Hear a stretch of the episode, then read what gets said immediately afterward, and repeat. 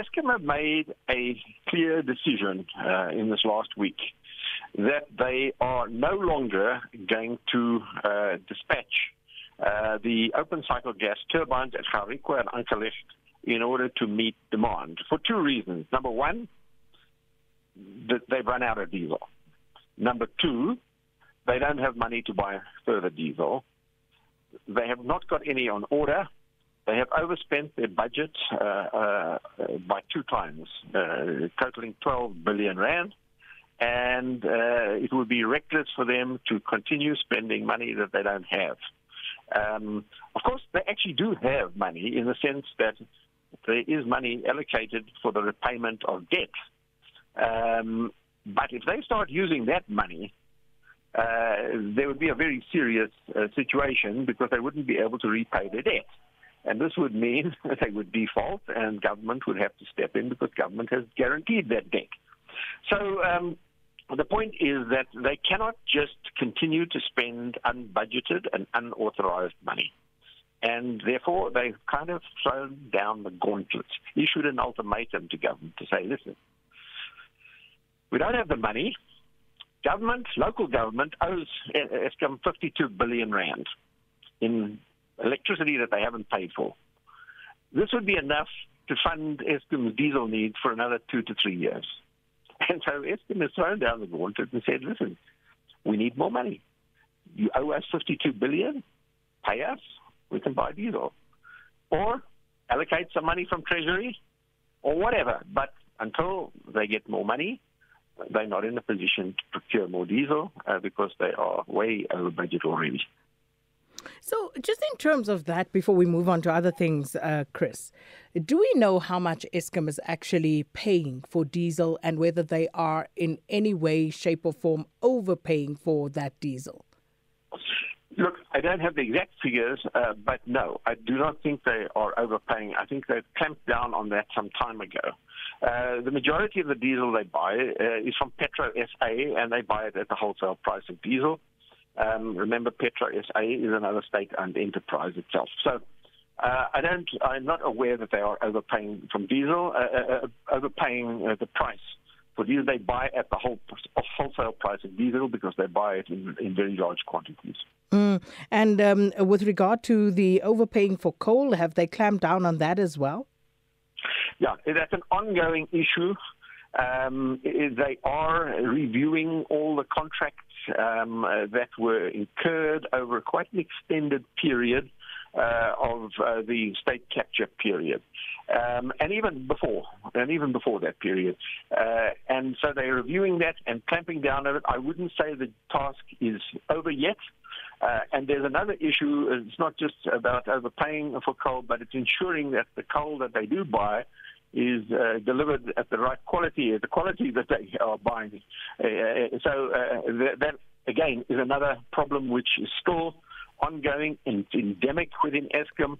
Is a lot of corruption and fraud uh, and collusion between suppliers and Eskom uh, people uh, within the organization uh, that are, are operating to defraud Eskom and ultimately defraud the public. That I think is work in progress. Uh, there has been some significant progress, but I think there's still quite a long way to go. And this, of course, is exasperating for any consumer of um, Eskom uh, energy because you sit there and you are literally at their mercy, uh, Chris.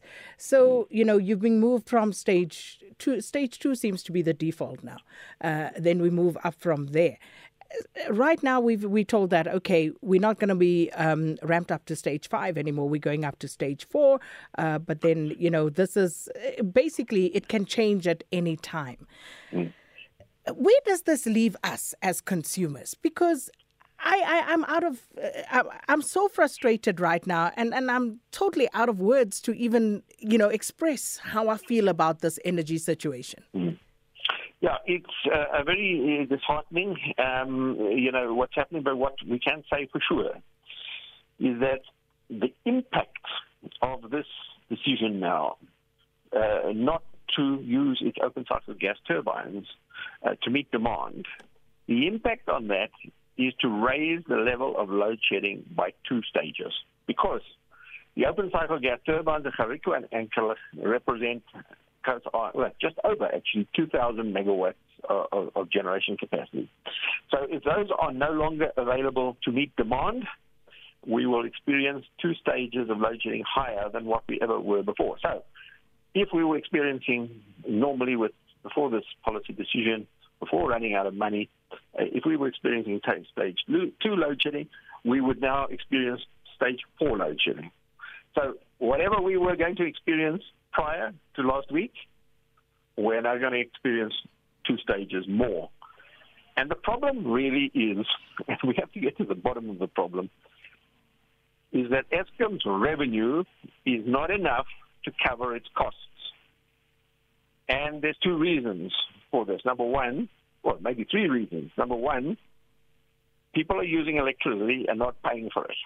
And the municipalities are one uh, such customer group. And remember, municipalities represent 50% of Eskom's business, their sales revenue.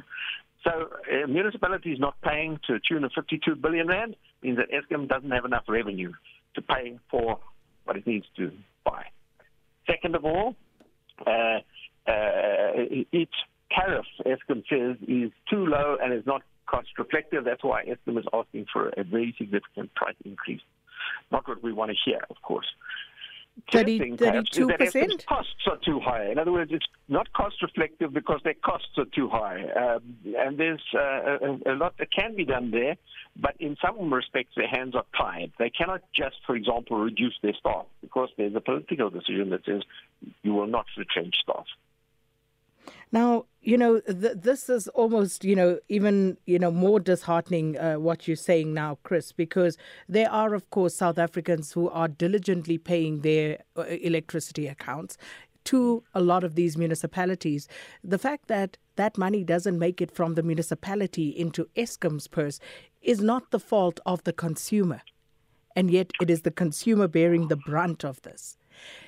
So, yeah where, where are the solutions here? Because um, I read some time ago something that said that when it comes to procuring privately um, in order to mitigate uh, load shedding and some of the other energy needs, uh, the cities of Johannesburg, and no, Ekurhuleni and Cape Town Ekurhuleni and Cape Town uh, seem to be on track to somehow find solutions. I don't know if you're aware of that, Chris. Um, I think it was an article in the Mail and Guardian some time ago. But what does that mean for those two cities and their residents, uh, also in terms of the potential increases, because Eskom has asked for about 32% increase in uh, tariffs. Then NERSA, we will see what they decide. But what does that mean for everybody else if mm. indeed their municipalities are unable or incapable of procuring energy elsewhere? Yeah, so look, I'm very aware of, of these issues, and uh, it is the responsibility, I guess, of municipalities to ensure that they buy electricity in the best way and at the least cost and the most reliable for their customers. It's the job of the municipality to look after its residents and ratepayers and electricity customers.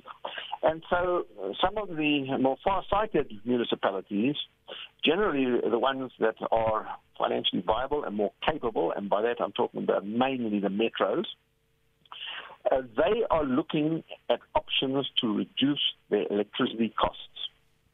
Now, one of the ways of doing this is to diversify their supply of electricity. At the moment, they buy all their electricity from Eskom.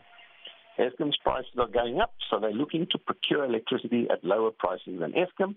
And independent power producers that can do this, uh, and uh, you know, will, will, will no doubt uh, be in the running uh, to uh, supply a certain amount of Eskom of electricity to, uh, to, to the municipality. Now, this doesn't mean to say the municipality is ditching Eskom. This just means it's supplementing its needs. Because at the moment, firstly, it cannot supply the needs of the municipality. That's why we have load shedding. And secondly, their prices are going up, so municipalities are looking for cheaper uh, options. Uh, and that's why we see the City of Cape Town, City of Johannesburg, Ekurhuleni, Durban, um, uh, uh, uh they're all looking at this. Uh, there's still some way to go before they contract. And before they procure this electricity, but that's what's on the cards. Um, and, and, and really, that is to the benefit of customers.